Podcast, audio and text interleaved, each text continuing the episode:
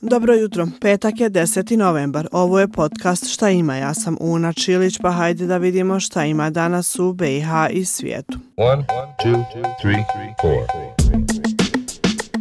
Tri mjeseca nakon trostrukog ubistva u Gradašcu, ministar za ljudska prava i izbjeglice Bosne i Hercegovine Selid Hurtić u ovom gradu će održati konferenciju za novinare.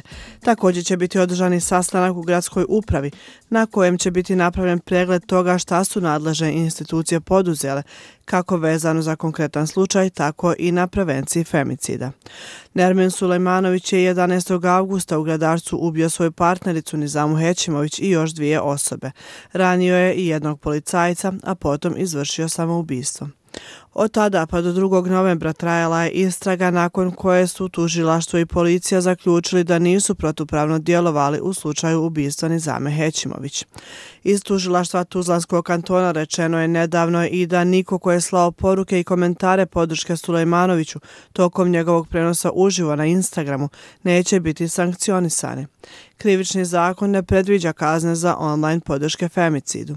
Tomislav Ljubić, glavni inspektor Tuzlanskog kantona, je to ovako objasnio. Odobravanje krivičnog djela u načelu generalno gledano ne može biti krivično djelo, a kad je u pitanju postrekavanje, što bi eventualno moglo biti, ako bilo u lajvu, ono je opet problematično u konkretnom slučaju, zato što postrekavanje ima, trebalo bi da bi bili ispunjeni obilježa krivičnog djela da ako nekoga učvršćuje ili stvara odluku o počinjenju krivičnog djela.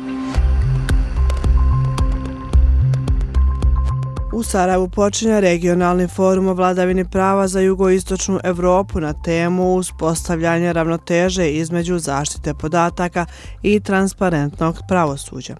Događaj će okupiti sudije Evropskog suda za ljudska prava kao i predsjednike pravosudnih institucija, sudije, predstavnike civilnog društva i druge pravne stručnjake iz Bosne i Hercegovine, Albanije, Kosova, Sjeverna Makedonije, Crne Gore, Srbije i drugih zemalja. Danas obilježava svjetski dan imunizacije.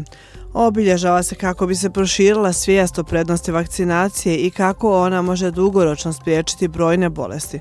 A pored ovog dana Svjetska zdravstvena organizacija zajedno sa UNICEF-om svake godine obilježi i sedmicu imunizacije.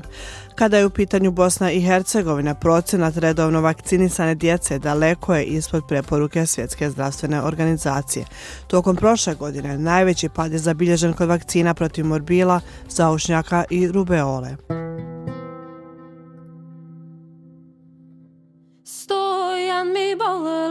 Bolele ga mamode, stojan mi bol ga ja... I još nešto za kraj. U Sarajevu je u toku jazz festival.